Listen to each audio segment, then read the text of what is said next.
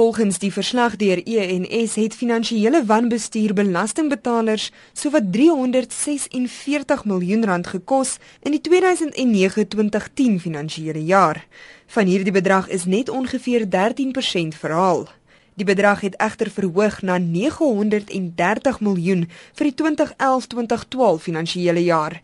Die senior forensiese bestuurder van ENS, Pieter Allright. He also wanted to determine whether our experience of financial misconduct was consistent or prevalent within the public service. What we found was that there was a rapidly worsening situation which concerned us quite horribly. Hy sê een van die redes vir die navorsing was om te bepaal wat die staatsdiens se verpligtinge is teenoor die vervolging van finansiële wanbestuur. There were no consequences because our, our study found that although 88% were found guilty, only 19% were discharged and then 43% were given final written warning, which meant they were retained in the public service and in, in essence could continue doing whatever they were doing previously. The amount of money that was being lost was not being managed or controlled and that in the majority of, of instances there was no criminal action. So besides the fact that hundreds of millions of rands worth was lost to the public service, officials were continuing with their normal behavior. Dit beteken volgens hom dat staatsamptenare kansse vat omdat daar nie streng teen hulle opgetree word, het sy strafregtelik of siviel nie. Hy sê ook baie staatsamptenare wat uitgevang word, kry kans om te bedank voordat ondersoeke en dissiplinêre prosedures afgehandel is en sodoende spring hulle vervolging vry. Alright sê finansiële wanbestuur in die staatsdiens neem verskillende forme aan. In terms of the definition, it includes uh, theft, forgery, fraud and extortion.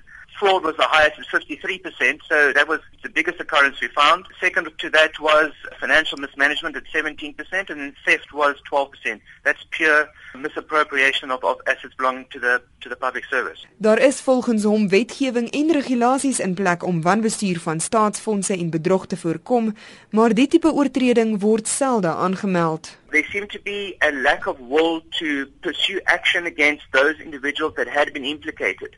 What we also found was there are extremely low levels of reporting of public entities in terms of financial misconduct. So although we've increased from 346 million from one year to 932 million in the following year, we still believe that the amount is completely un- underreported. So the actual situation could be far worse. We do find that there are control measures in place, but are often weak and they are often overcome by people observing how those mechanisms work and circumventing those mechanisms.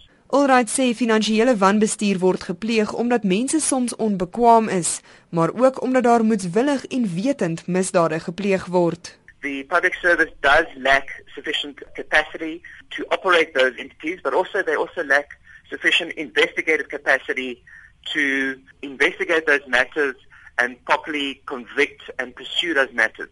There are people who who do of course want to conduct financial misconduct Dit was Pieter Allright van ENS.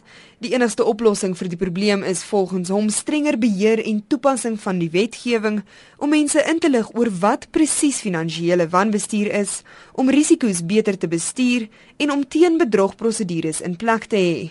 Hy sê ook staatsamptenare moet finansiële wanbestuur aanmeld by die staatsdienskommissie.